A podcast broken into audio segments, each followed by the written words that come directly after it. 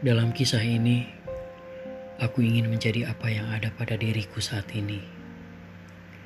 Menjadikannya sempurna karena ukuranku sendiri. Dunia memang begitu fana. Seseorang datang dan kemudian pergi.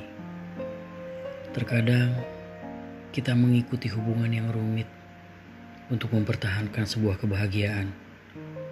Padahal mungkin aslinya tidak demikian.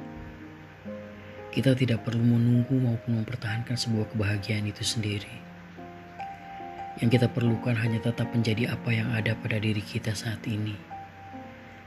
Membiarkan semuanya terjadi karena jalan takdir yang mungkin sudah dipersiapkan oleh Tuhan selama ini.